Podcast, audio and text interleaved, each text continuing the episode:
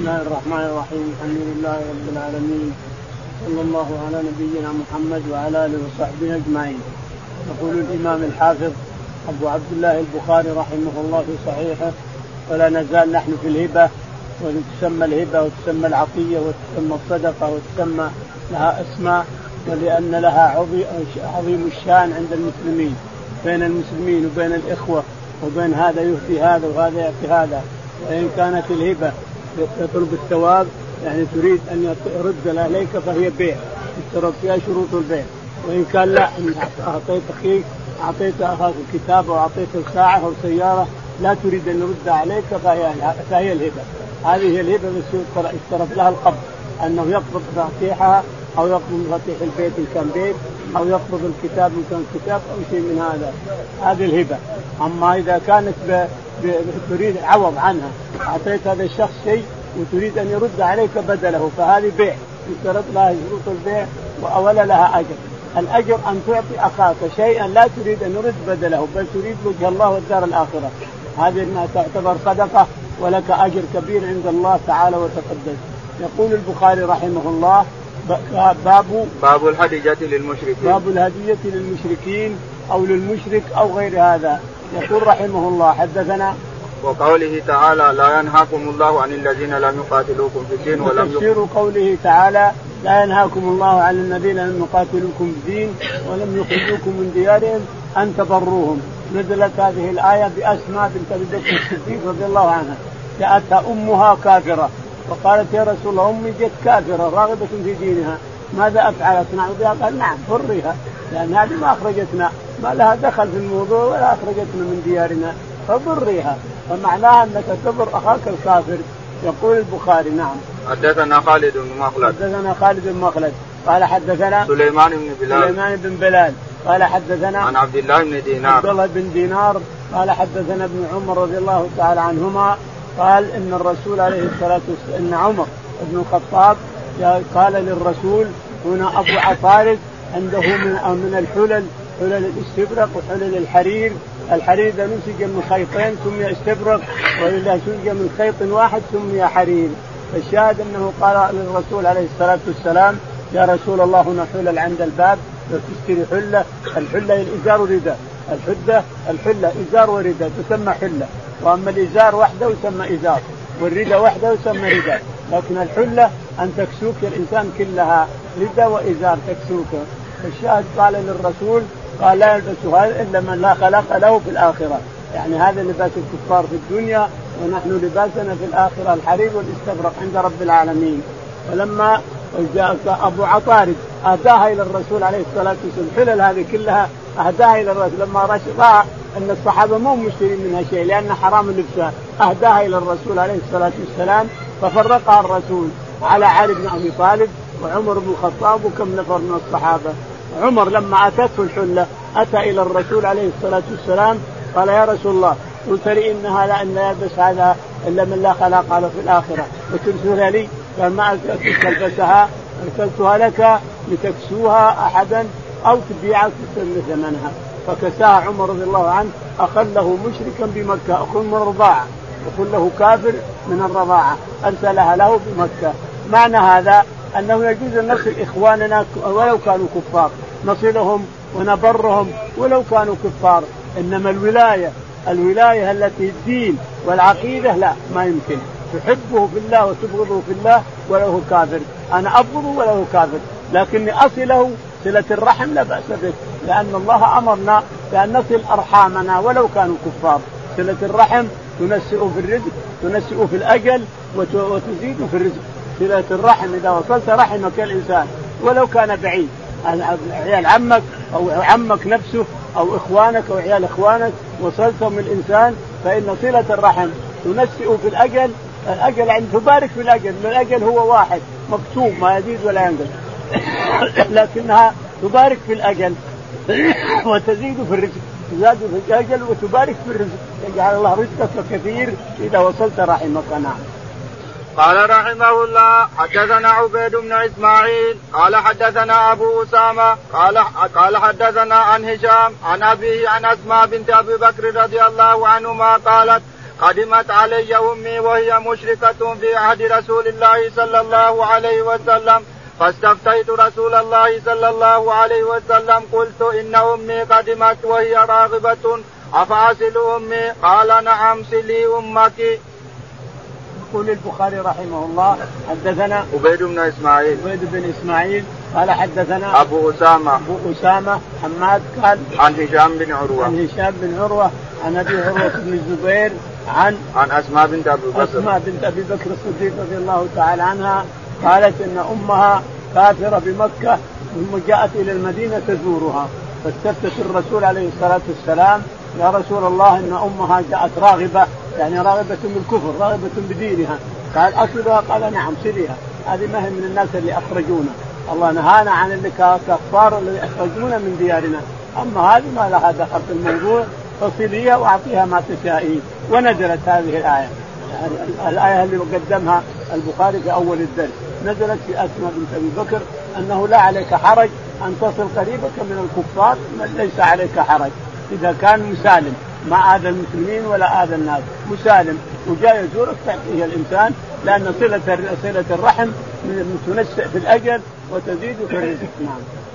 باب لا يحل لأحد أن يرجع في هبته وصدقته. قال رحمه الله حدثنا مسلم بن إبراهيم قال حدثنا هشام وشعبة قال حدثنا قتادة عن سعيد بن المسيب عن ابن عباس رضي الله عنهما قال قال النبي صلى الله عليه وسلم العائد في هبته كالعائد في قيئه. يقول البخاري رحمه الله باب باب لا يحل لأحد أن يرجع في هبته لا يحل لأحد أن يرجع في هبته. اعطيت أخوك المسلم هذا الكتاب ما يمكن تقول ردوا علي يا فلان أنا اتحسف ردوا علي. أو أعطيته السيارة يا فلان والله أنا اتحسف أنا احتجت السيارة ردها علي. أو أعطيته بيت ثم تندمت ندمك الشيطان وقرناء السوء. كيف تعطي بيتك؟ كيف تعطي سيارتك؟ كيف؟ ثم تقول يا فلان والله أنا حسبت شوية فأرجوك أن ترد علي. العائد في هيئة في هبته كالكلب يعود في طير. اقبح صورة وابشع وابشع صورة نعوذ بالله. يقول البخاري رحمه الله حدثنا مسلم بن إبراهيم. مسلم بن إبراهيم الفراهيدي قال حدثنا هشام بن هشام بن ابي عبد الله هشام بن حسان. لا الدستوائي. هشام الدستوائي. قال حدثنا شعبة. وشعبة. هشام وشعبة. قال حدثنا قتادة. قتادة بن دعامة السدوسي. قال عن سعيد بن المسيب. عن سعيد بن المسيب عن عن ابن عباس رضي الله عنه. عن ابن عباس رضي الله عنهما أن النبي عليه الصلاة والسلام قال العائد في هبته كالكلب نعوذ بالله. اقبح صورة وأبشع صورة. يعود في طيه يقيء ثم يلحس طيه يجي طيه أبشع صورة نعوذ بالله. شبهه الرسول عليه الصلاة والسلام بأقبح صورة وأبشع صورة. الجسد ينتفض منها من قبحها وبشاعتها ما يجوز المسلم أن يلقى في هبته سواء كبيرة أو صغيرة. لا يجوز للمسلم أن يرجع في هبته سواء كبرت أو صغرت. نعم. قال رحمه الله حدثنا عبد الرحمن بن المبارك قال حدثنا عبد الوارث قال حدثنا أيوب عن عكرمة عن ابن عباس رضي الله عنهما قال قال النبي صلى الله عليه وسلم ليس لنا مثل السوء الذي يعود في هبته كالكلب يرجع في قيئه. يقول البخاري رحمه الله حدثنا عبد الرحمن بن المبارك. عبد الرحمن بن المبارك قال حدثنا عبد الوارث. عبد الوارث قال حدثنا أيوب السختياني. أيوب السختياني أبو تميمة قال حدثنا عن عكرمة. عن عكرمة عن عن ابن عباس. عن ابن عباس رضي الله عنهما أن النبي عليه الصلاة والسلام قال ليس, ليس لنا مثل السوء ليس لنا ليس لنا معناه أمة محمد. لا هو عليه الصلاة والسلام وأمته. ليس لهم مثل السوء وهو العود في الإنسان يهب شيئا ويعود فيه كالكلب يعود في قيء. ليس لنا مثل السوء يعني مثل الكلب الذي يقي ويلحس قيء يرجع في قيء أو أقبح صورة وأبشع صورة. ليس لنا يا أمة محمد أن نرجع في الهبة. إذا وهبت شيئا فلا تحسف ولا يحسف قرناء السوء ولا تندم الإنسان. واتركه لوجه الله. نعم. قال رحمه الله حدثنا يحيى بن قزعة قال حدثنا مالك عن زيد بن أسلم عن أبيه سمعت عمر بن الخطاب رضي الله عنه يقول حملت على فرس في سبيل الله فأضاعه الذي كان عنده فأردت أن أشتريه منه وظننت أنه بائع أنه بائعه برخص فسألت عن ذلك النبي صلى الله عليه وسلم فقال لا تشتريه وإن أعطاكه بدرهم واحد. فإن العائد في صدقته كالقلب يعود في قيئه. يقول البخاري رحمه الله حدثنا يحيى بن قزعة. يحيى بن قزعة قال حدثنا مالك بن أنس. مالك بن أنس قال حدثنا عن زيد بن أسلم. زيد بن أسلم عن أبيه أسلم مولى عمر بن الخطاب أن عمر رضي الله تعالى عنه حمل على فرس يعني أعطى فرسه رجل يغزو عليه يعني يركبه ويقاتل في سبيل الله عليه ثم أضاعه الرجل.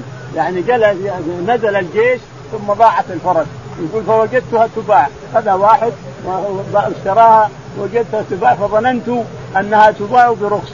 فسألت الرسول عليه الصلاة والسلام فقال لا ترجع في هبتك. لا ترجع في هبتك. وهبت الفرس لمسلم من المسلمين. يقاتل عليه هي له. للرجل لو هبته اياه حتى يموت وهي له. فلا تشتريها. فإن العائد قيد كالكلب يعود في هبته. يقول السؤال هنا إذا إذا اشترته امرأته. عند زوجتك اشترت الفرس مثلا. هل يجوز تقول لا؟ اشتراه ولدك. هل يجوز تقول لا؟ اشتراه أبوك. هل يجوز تقول لا؟ ما هذا الشخص الذي أمضى هذا الشيء لا يمكن لأبيه ولا لجده ولا لعمه ولا لزوجته ولا لولده ولا لولد الولد أن أن يرجعوا فيه. أن يعود أن يشتروه أو يأخذونه هبة أو عطية أو شيء. إلا إذا كان ميراث إذا مات وورثه فالميراث يدخل غصب على الإنسان. الميراث يدخل على الإنسان غصبا عليه بدون إرادته فليس له دخل في الموضوع. أما في غير الميراث فلا يجوز أن يرجع للعائلة كلها. كل العائلة اللي تنتمي لهذا الشخص الذي وهب هذا الشيء لا يمكن أن يرجع منهم أحد. لا يشتريه ولا يقبل هبة ولا يقبل عطية ولا شيء اطلاقا. ولا بيع ولا شراء ولا شيء. ما يرجع لعائلة هذا الشخص اطلاقا. كل العائلة. التي تنتمي لها الشخص ما يمكن يرجع لهم إلا إذا كان ميراث فالميراث يدخل غصب على الإنسان لا دخل له في الموضوع نعم. قال رحمه الله حدثنا إبراهيم بن موسى قال أخبرنا هشام بن يوسف أن ابن جريج أخبرهم قال أخبرني عبد الله بن عبيد الله بن أبي مليكة أن بني صهيب مولى بن مولى بن جدعان ادعوا بيتين وحجرة أن رسول الله صلى الله عليه وسلم أعطى ذلك صهيبا فقال مروان من يشهد لكما على ذلك قال ابن عمر فدعاه فشهد لا فشهد لعطى رسول الله صلى الله عليه وسلم صهيبا بيتين وهجرة فقضى مروان بشهادته لهم. يقول البخاري رحمه الله حدثنا إبراهيم بن موسى. إبراهيم بن موسى قال حدثنا هشام بن يوسف. هشام بن يوسف قال حدثنا عن ابن جريج. عن ابن جريج عبد الملك قال قال أخبرنا عبد الله بن عبيد الله قال أخبرنا عبيد عبد الله بن عبيد الله قال ان أن بني صهيب مولى ابن جدعان. أن أولاد صهيب أولاد صهيب اتوا أعطاهم الرسول عليه الصلاة والسلام حجرة وغرف غيرها حجرة كبيرة واسعة وغرف هذه غرفة وهذه غرفة وهذه صارت بينهما. أعطاه الرسول صهيب صهيب مات وورثه أولاده. فكان بعضهم يبي يأخذها منهم يقول لا هذه ما هي لكم والعطية ما هي صحيح وكذا وكذا فأتوا إلى مروان بن الحكم وهو أمير المدينة لمعاوية بن أبي سفيان الخليفة العام من معاويه والأمير المدينة مروان بن الحكم. فقال من يشهد لكم؟ من يشهد لكم انه اعطاها ابوكم؟ قالوا ابن عمر. قال يرضي يرضينا ابن عمر. فاتت بن عبد الله بن عمر قال اشهد لا اعطى الرسول عليه الصلاه والسلام صهيبا هذه الصاله وهذه الغرف القطع غرفتين صغيرتين وصاله كبيره. اعطاها صهيب وصارت لاولاده. فامضاها لهم مروان لما شهد عبد الله بن عمر امضاها لهم واعطاهم إياها. نعم.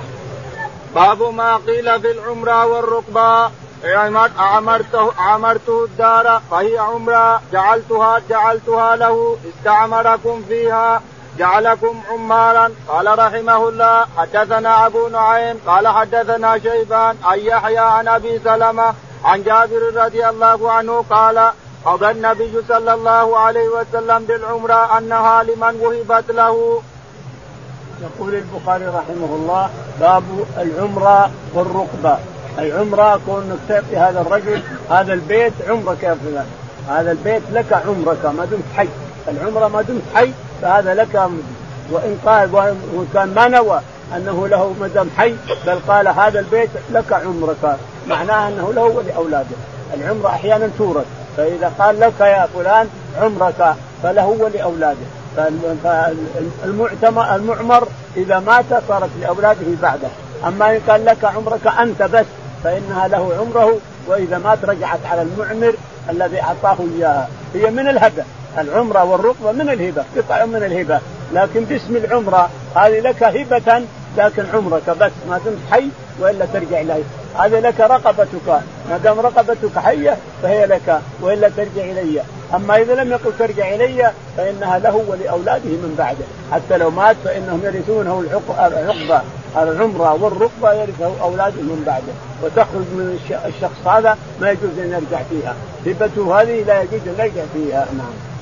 أعمرته الدار فهي عمرة. أعمرته الدار فهي عمرة له. عمرة يعني حياته وبعد حياته. عمرة بحياته وبعد حياته نعم. فهي عمرة جعلتها له استعمركم فيها. هذا تفسير من البخاري. أعمرتك جعلتها جعلتها لك جعلتها لك. رقبتك أرقبتك جعلتها لك رقبتك أو عمرك. كل هذا معناه واحد. نعم. قال حدثنا أبو نعيم. يقول حدثنا أبو نعيم. قال حدثنا؟ شيبان بن عبد الرحمن. منه؟ شيبان. شيبان بن عبد الرحمن. قال حدثنا؟ يحيى بن أبي كثير. يحيى بن أبي كثير. قال؟ عن أبي سلمة بن عبد الرحمن. عن أبي سلمة بن عبد الرحمن. قال حدثنا؟ عن جابر رضي الله عنه. جابر رضي الله تعالى عنه. قال نعم. قال النبي صلى الله عليه وسلم بالعمرة أنه لمن وهبت له. افتى النبي عليه الصلاة والسلام أن العمرة لمن أعمره لمن أعمره يعني لانها هبه فإذا أعطيك أعطيك بيتي هذا عمر لك عمرك فهي هبة له ولأولاده من بعده. كذلك إذا قال بيتي هذا أو سيارتي هذا لك ولرقبتك فهي له ولورثته من بعده إلى آخره. لأنها جزء من الهبة مثل الهبة هي هبة. إذا قال عمرك معناها أنها هبة. أعمرتك هذا يعني وهبتك هذا. أرقبتك هذا يعني وهبتك هذا إلى آخره. فهي عمرة ورقبه له ولمن بعده من بعد. ولورثته من بعده. نعم. قال رحمه الله حدثنا حفص بن عمر قال حدثنا همام قال حدثنا قتادة قال حدثني النذر بن أنس عن بشير بن نهيك عن أبي هريرة رضي الله عنه عن النبي صلى الله عليه وسلم قال العمرة جائزة. وقال عطاء حدثني جابر عن النبي صلى الله عليه وسلم نحوه. يقول البخاري رحمه الله حدثنا حفص بن عمر. حفص بن عمر بن غياث. قال حدثنا حمام بن يحيى. حمام بن يحيى قال عن قتادة. عن قتادة قال حدثنا عن نذر بن أنس. عن النضر بن أنس قال عن بشير بن نهيك. عن بشير بن نهيك قال حدثنا عن أبي هريرة رضي الله أبي هريرة رضي الله تعالى عنه. أن النبي عليه الصلاة والسلام قال نعم. العمرة جائزة. العمرة جائزة بين المسلمين وهي لمن أعمر له ولورثته من بعده لأنها من جزء من الهبة مثل الهبة. فإذا قال هذا البيت لك عمرك يا فلان فإنها له ولورثته من بعده. نعم. وقال عطاء حدثني جابر عن النبي صلى الله عليه وسلم نحوه وقال جابر بن عطاء جابر بن أبي رباح قال حدثني جاء عطاء بن أبي رباح قال حدثني جابر بن عبد الله رضي الله تعالى عنه أن النبي عليه الصلاة والسلام قال العمره لمن أعمرها حياته بعد ميراثه حتى بعد موته له له ولورثته من بعده. فاتفق صحابيان أبو هريرة رضي الله تعالى عنه وجابر رضي الله عنه أن العمره لمن أعمرها له ولورثته من بعده والرقبة كذلك رقبتك أو عمرك كله واحد. نعم. باب من استعار من الناس الفرس قال رحمه الله حدثنا آدم قال حدثنا أيوب عن قتادة قال سمعت انسا يقول كان فزع بالمدينة فاستعار النبي صلى الله عليه وسلم فرسا من أبي طلحة يقال له المندوب فركب فلما رجع قال ما رأينا من شيء وإن وجدناه لبحرا. يقول البخاري رحمه الله باب من استعار من الناس فرسا أو حمارا أو سيارة في زماننا هذا يا فلان من فضلك اعطني سيارتك باصل جده حاجتي وارجع. فهذا من باب من باب الصدقة أيضا. العارية مردوده ومضمونة ولكنها صدقة برضو لك أجر فيها. فأعطيت سيارتك فلان وأعطيت أو أعطيتك بيته أو أعطيت بيتك فلان يسكنه فلان أنا ما عندي السكن أعطني بيتك اسكنه حتى أحصل منه. تفضل هذا المفاتيحه تعطيه إياه. هذا كله جائز بين المسلمين ومن أفضل الصدقات على المسلمين. يقول البخاري رحمه الله حدثنا آدم بن أبي إياس. آدم بن أبي إياس قال حدثنا شعبة. شعبة قال حدثنا قتادة. قتادة قال عن أنس.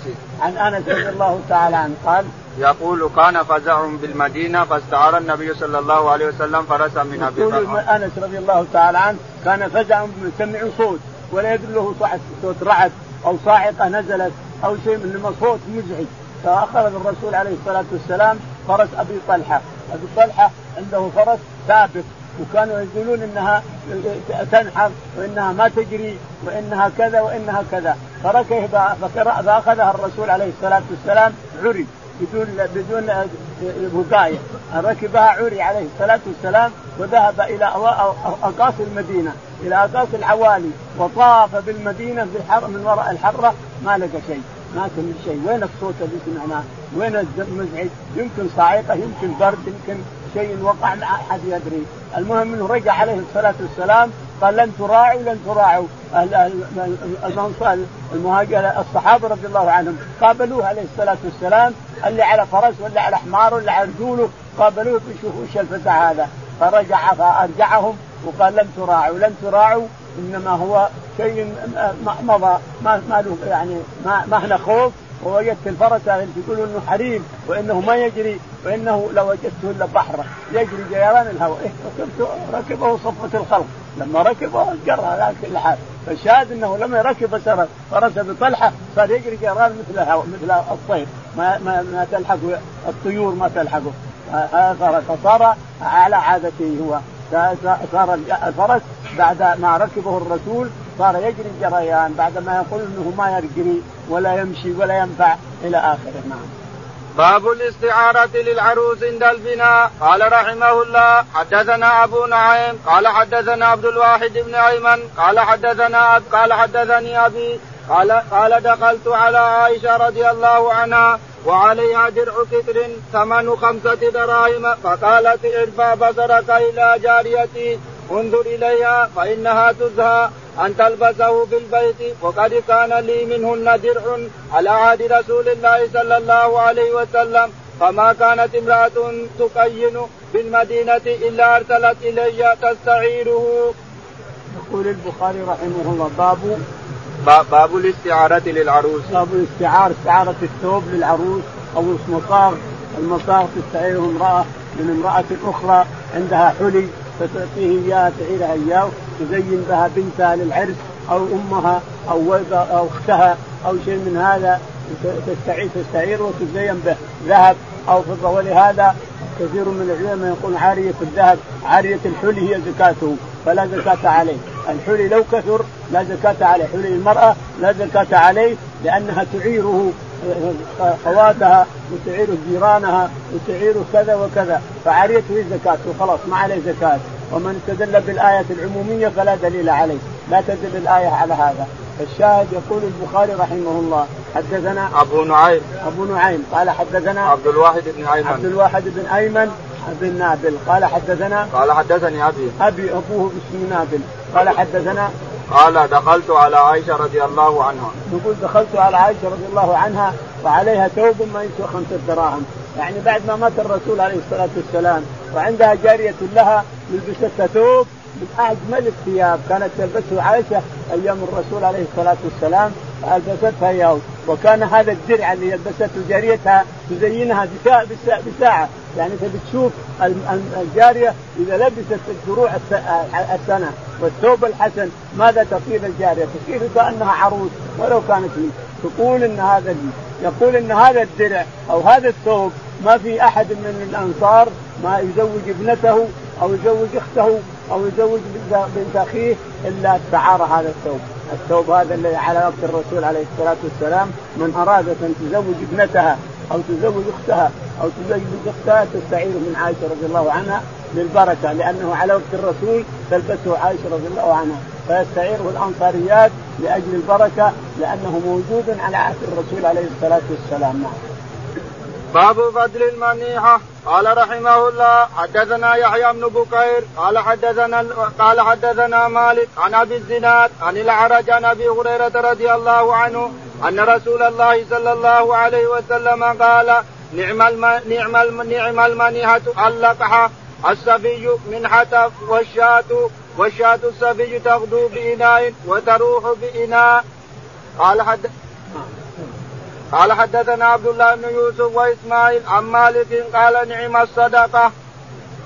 يقول البخاري رحمه الله باب منيحة العنز أو منيحة الضال عندنا الغنمة العنز أو النعجة كلها تمنح منايح يقول البخاري رحمه الله. حدثنا يحيى بن بكير. يحيى بن بكير.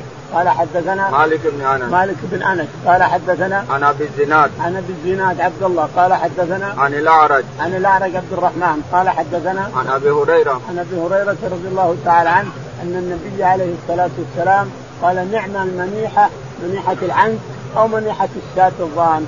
منيح المسلم أخاه المسلم. أو يمنح ناقه أو يمنح بقرة. يا فلان أنا عندي بقر أحلبها واشرب أنا وعيالي. خذ يا فلان هذه البقرة أحلبها وأشربها أنت وعيالك على أن علفها عليك.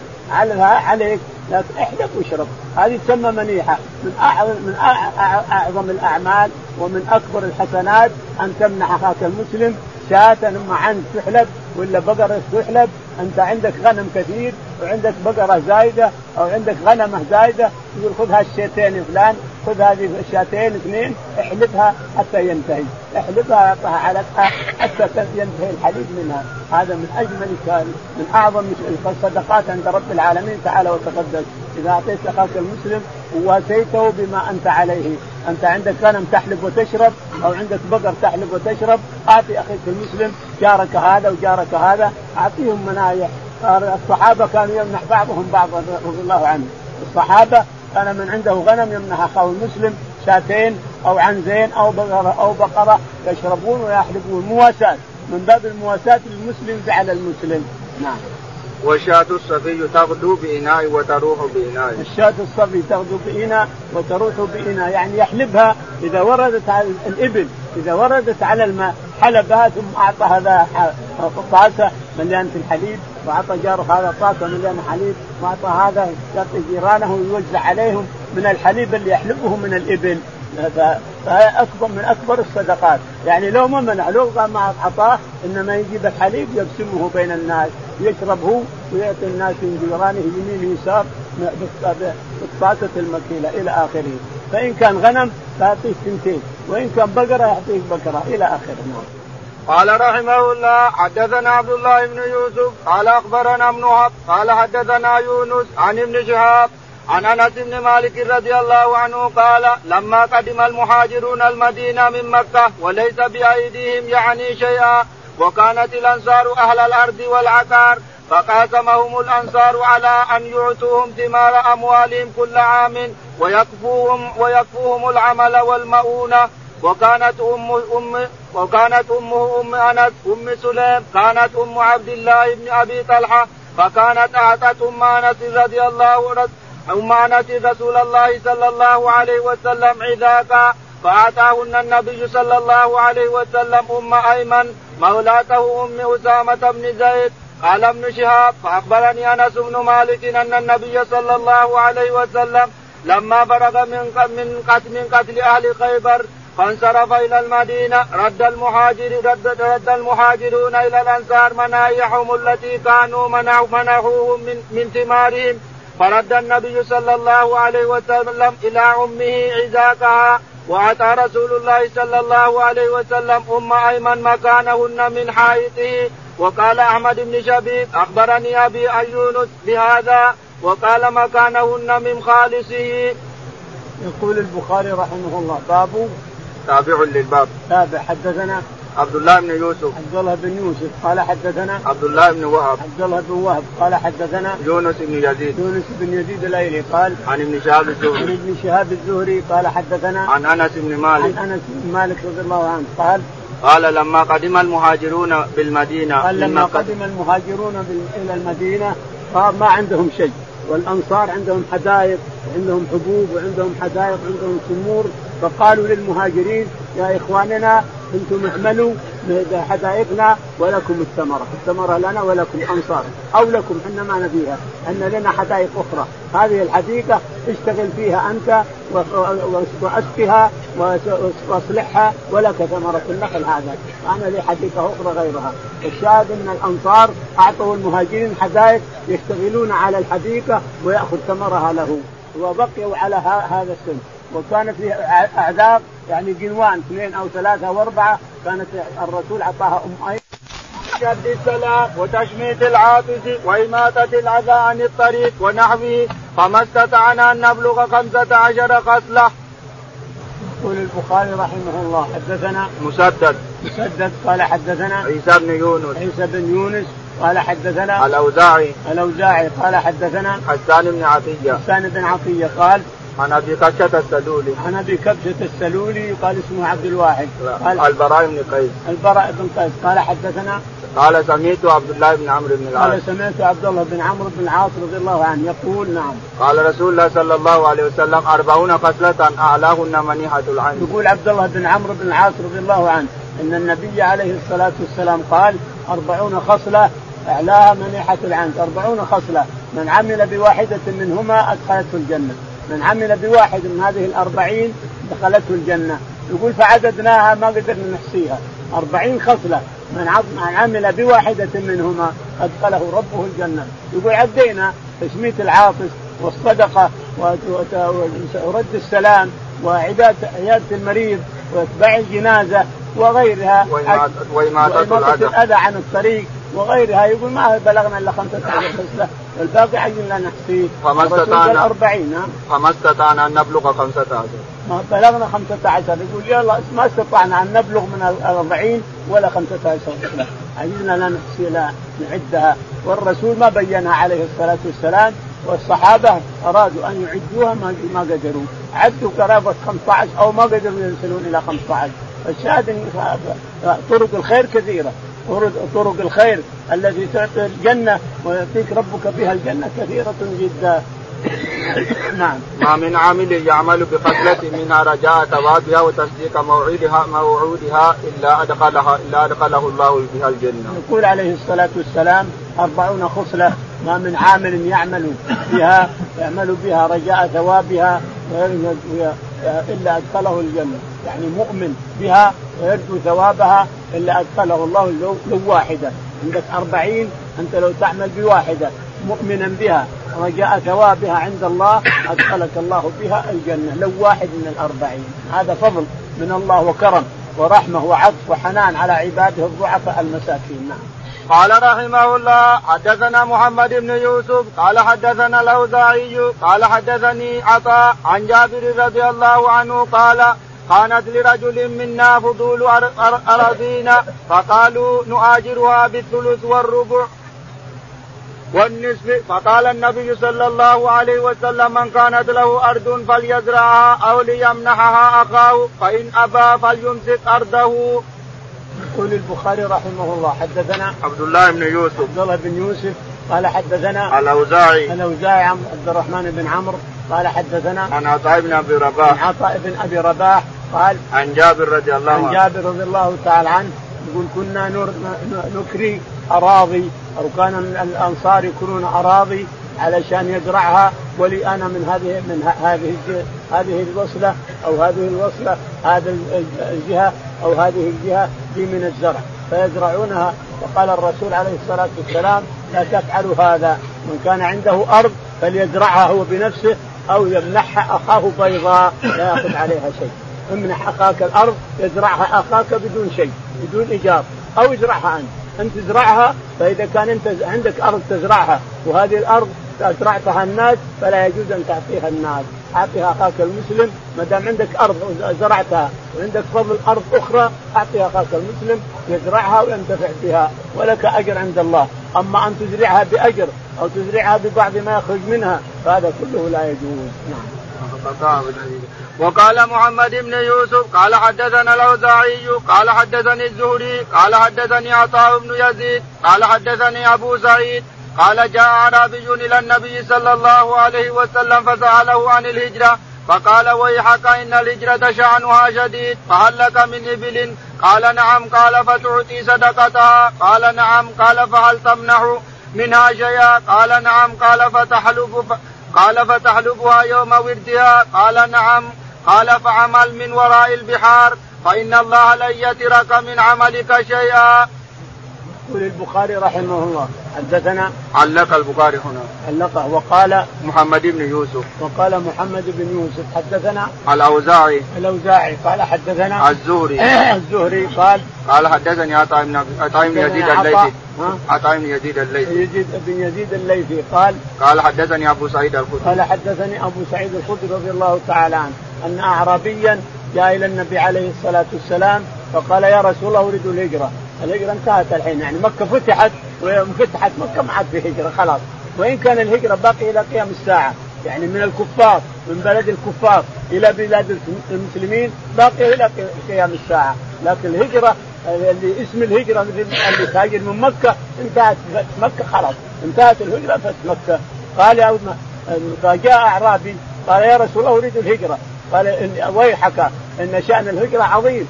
قال يعني تريد أن تهاجر عندي في المدينة وأنت أعرابي ما شأنها عظيم وتقطع نفسك من مصالح ومن أشياء أنت مسؤول عنها يوم القيامة عن أما أولادك تكد عليهم أو شيء قال هل عندك إبل؟ قال نعم قال تحلبها إذا وردت الماء؟ قال نعم قال تعطي الناس تعطي هذا وتعطي هذا؟ قال نعم قال وتعمل كذا وتعمل كذا؟ قال نعم وتمنح منها هذا وهذا؟ قال نعم قال اعمل ولو من وراء البحار. فإن الله لن يترك عملك لا يترك عملك. ربك ما يترك عملك. ربك ما يترك عملك. يعطيك عملك ولو عملت من وراء البحار. ما يحتاج هجرة. ولو تعمل من وراء البحار فإن ربك لا يضيع من عملك شيء. كله مصفى ومكتوب وستجده في صحيفتك يوم القيامة. اعمل من بعيد أو من قريب. من وراء البحار اعمل في الشرق أو في الغرب. فإن الله لا يترك من عملك الصالح شيء بل يوفيك إياه لأنه لا يظلم أحد تعالى وتقدس بل ويفرح بما يعمل عبده من الصالحات ويكتبه الملائكة وتعرض عليه صحيفته نور كلها وحسنات كلها نعم. قال رحمه الله حدثنا محمد بن بشار قال حدثنا عبد الوهاب قال حدثنا أيوب عن عمرو عن طاووس قال حدثني قال قال حدثني اعلمهم أعلمهم بذاك يعني ابن عباس رضي الله عنهما أن النبي صلى الله عليه وسلم خرج إلى أرض تهتز زرعا فقال لمن هذه؟ فقالوا اكتراها فلان. فقال أما إنه لو لو منحها إياه كان خيرا له من أن يأخذ عليها اجرا اجرا معلوما. يقول البخاري رحمه الله حدثنا محمد بن بشار. محمد بن بشار قال حدثنا عبد الوهاب الثقفي. عبد الوهاب الثقفي قال حدثنا أيوب السختياني. أيوب السختياني قال حدثنا عن عمرو بن دينار. عن عمرو بن دينار قال عن طاووس. عن طاووس بن كيسان عن عبد الله بن عباس رضي الله عنهما أن النبي عليه الصلاة والسلام خرج من المدينة إلى العوالي وجد أرضا تهتز زرع تهتز من الزرع حبوب وشعير وأذرة وبر مليان ذلك فقال لمن هذه؟ قالوا فلان أكرهها على فلان. قال لا ما يصلح هذا. المسلم إذا كان عنده أرض أما أن يزرعها بنفسه أو يعطيها أخاه بيضاء يزرعها أخاه بدون إجرة. أما أنه يكريها إلى شخص إنه أرض له يكريها على شخص ثروه لا يجوز هذا لأن المسلمين أسوة. المسلمين إخوة وهم سوية في في عطاء الله تعالى وتقدس وفي مال الله. هم أسوة في مال الله وفي عطاء الله. فإذا كان له أرض زايدة له عليه فإنه يعطيها أخاه مجانا يخلي أخاه هو اللي يزرعها له يعطيها إياه هبة وهذا هو الشاهد أنه يعطيه الأرض هبة يزرعها يزرعها أو يزرع. أما أنه يعطيها يكريها بزرع تزرع يكريها حتى بفلوس ما يجوز حتى بحب ما يجوز حتى بنصفها أو ببعض ما ياخذ كله ما يجوز. بل يعطيها أخاه يزرعها. أما أن تزرعها أنت أو اعطاها اخاك بيضاء يزرعها أخوك المسلم نعم. هنا قال فقال أما إنه لو منحها إياه كان خيرا له من أن ياخذها. النبي عليه الصلاة والسلام أما إنه لو منحها إياه يعني واعطاها إياه وهبها إياه هبه كان خيرا له من أن يكريها إياه أرض بيضاء لك تكريها اخاك المسلم ما يجوز اعطها يزرعها هو هو يزرعها وينتفع بها ولك أجر عند الله تعالى وتقدس نعم. باب إذا قال أخدمتك هذه الجارية على ما يتعارف الناس وهو جائز وقال بعض الناس هذه هذه عارية وإن قال كسوتك هذا الثوب فهو هبة. قال رحمه الله حدثنا أبو اليمان قال أخبرنا شعيب قال حدثنا أبو الزناد عن الأعرج عن أبي هريرة رضي الله عنه أن رسول الله صلى الله عليه وسلم قال هاجر إبراهيم بسارة. فأعطوها آجر فرجعت فقالت أشعرت أن الله كبت الكافر وأخدم وليدة. وقال ابن سيرين عن أبي هريرة عن النبي صلى الله عليه وسلم فأخدمها هاجر. يقول البخاري رحمه الله حدثنا باب إذا قال اخدم أخدمتك. باب إذا قال أخدمتك هذه الجارية أو هذا أو أعطيتك هذا الثوب فهو هبة، الثوب هبة. وأما الجارية فلا يجوز إعارتها لذكر، الجارية الأنثى لا يجوز أن تعار لذكر، أعطني جاريتك عارية يا فلان تختمني وترجع لك ما يمكن. لأنها أنثى ويخشى عليها من الذكر. أما أن يعيرها أنثى فلا بأس. أنثى جاءت يا فلان أعطني جليس تخدمني جزاك الله خير. مدة كذا وكذا ورجعها إليك لا بأس. إذا كانت أنثى تستعير أنثى لا بأس. أما رجل يستعين أنثى ما يمكن. هذا ممنوع في الشريعه الإسلامية لأنه يخشى عليها والشيطان حاضر ويلعب بين الذكر والأنثى ويحصل فاحشة ويحصل فساد إلى آخره. أما إذا أعطاه ثوب منعه هذا الثوب عارية فهو له. هبة. ليس عارية. الثوب إذا أعطاه إياه فهو هبة. له ولو قال عارية فإنه له ملك. هبة له. إلى آخره نعم. قال حدثنا أبو اليمان. يقول البخاري رحمه الله حدثنا أبو اليمان. قال حدثنا شعيب بن أبي حمزة. شعيب بن أبي حمزة قال عن أبو الزناد. عن أبي الزناد قال عن الأعرج. عن الأعرج عبد الرحمن قال عن أبي هريرة رضي الله عن أبي هريرة رضي الله تعالى عنه قال أن رسول الله صلى الله عليه وسلم قال هاجر إبراهيم بسارة فأعطوها هاجر هذه لها قصة وهو أن إبراهيم عليه الصلاة والسلام أتى من أرض كنعان من من العراق. من الموصل. أتى عليه الصلاة والسلام ماشي على رجوله وهي ساره من الموصل ومر بمصر. كأنه صار طريقه على مصر على أطراف مصر. فذكر لملك مصر أن رجلا معه امرأة من جميلة جدا من أجمل نساء العرب. وكانت سارة جميلة رضي الله عنها وأرضاها. فمر وقال لها إبراهيم إن أنا وياك على هذه الأرض ما في مسلم إلا أنا وأنت. فأنا أخوك في الله وأنت أختي في الله. فإذا سألك يقول هذا أخي في الله لا تقولي زوجي. فإنه يقتل الزوج علشان يقتل المرأة. قولي اخويا فدخل فأدخلوها عليه. فلما دخلت على الملك الفاجر الغاصب مد مد يده فيبست اليد. ثم مد يده ثانية فيبست. لأنها تدعو عليه. كلما مد يده دعت عليه فيبست اليد. ثلاث مرات.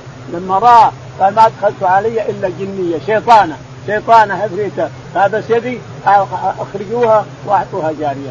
فأعطوها هاجر. ولهذا الرسول عليه الصلاة والسلام يقول استوصوا بأهل مصر خيرا فانه فإن لهم رحما. لهم رحم بجارية الرسول عليه الصلاة والسلام القبطية ولهم رحم بهاجر. والشاهد أنها اعطته هاجر فلما وصلوا قالت أبشرك أن الله كفى إن كيد الكافر وأخدمنا جارية. فجاء فجاءت هاجر مع سارة حتى وهبتها لإبراهيم. سارة وهبت هاجر لاسماعيل لإبراهيم عليه الصلاة والسلام فوطئها فحملت ولدت اسماعيل ولدت إسماعيل ولدها.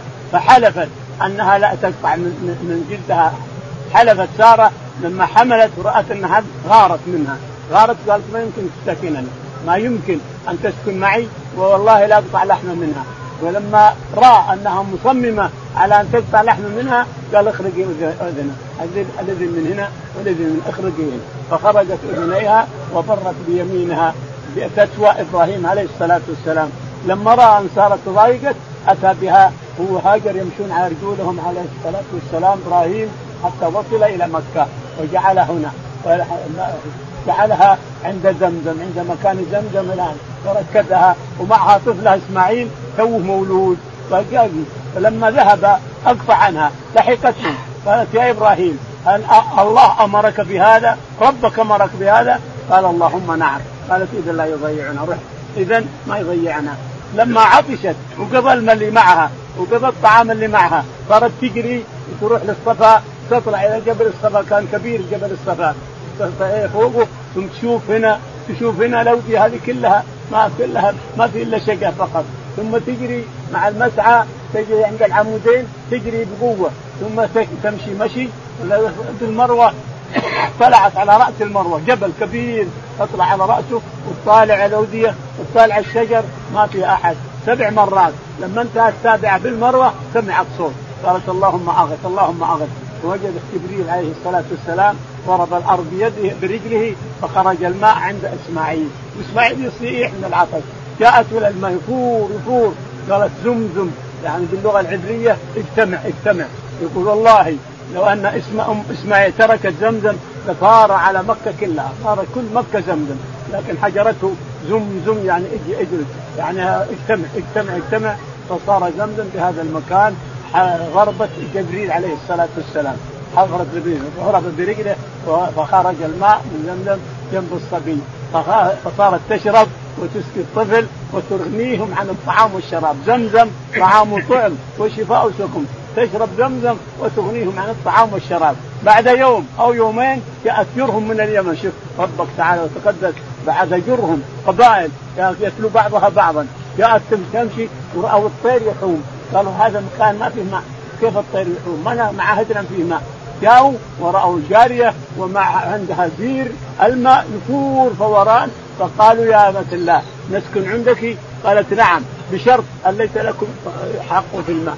الماء ملكي أنا. أما أنتم تنزلون انزلون. لكن بشرط الملك لي ملك الماء والبير لي ما تشتركون منه. قالوا نعم فسكنوا عندها. القبائل اللي جاءت من اليمن كلها ساقها الله تعالى وتقدس حتى سكنت عند أم إسماعيل عليه الصلاة والسلام وجلست عندها ولما كبر له قصه وياهم عليه الصلاة والسلام وإبراهيم كان يزوره مرتين إلى آخره نعم. وقال ابن سيرين عن أبي هريرة عن النبي صلى الله عليه وسلم فاخدمها هاجر. يقول ابن سيرين عن أبي هريرة رضي الله تعالى عنه عن النبي عليه الصلاة والسلام فاختمها هاجر يعني أنه أطلعها قال ما أدخلت علي إلا عفريته جنية لكنها أعطوها جارية فأخدمها هاجر أخدمها كف الله شره وأخدمها جارية نعم. باب إذا حمل رجل على فرس فهو كالعمرة والصدقة. وقال بعض الناس له أن يرجع فيها. قال رحمه الله حدثنا الحميدي قال حدثنا سفيان قال سمعت مالكا يسأل زيد بن أسلم. قال سمعت أبي يقول قال عمر رضي الله عنه حملت على فرس في سبيل الله. فرأيته يباع فرأيته يباع فسألت رسول الله صلى الله عليه وسلم فقال لا تشتريه ولا تعد في صدقتك. الحديث واحد بس. أن نزل الباب أن نزل الكتاب. كمل. باب إذا كملت. يقول البخاري رحمه الله باب باب اذا حمل رجل على فرس فهو رجل على فرس فهي له اللي حمل عليه. يعني أعطى حمل يعني قال يا فلان خذ فرسي هذا اغد في سبيل الله فهي لك. صارت له ولعقبه من بعده.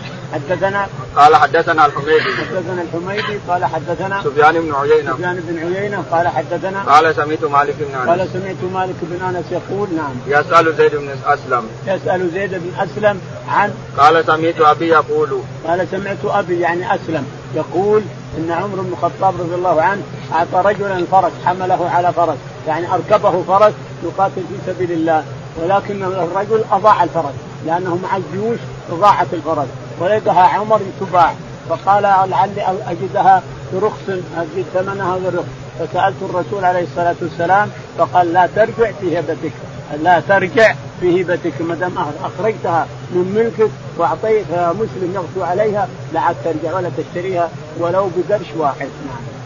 والله أعلم. اللهم اهدنا فيمن هديت وعافنا فيمن عافيت وتولنا فيمن توليت اللهم توفنا مسلمين وألحقنا بالصالحين رب العالمين اللهم صل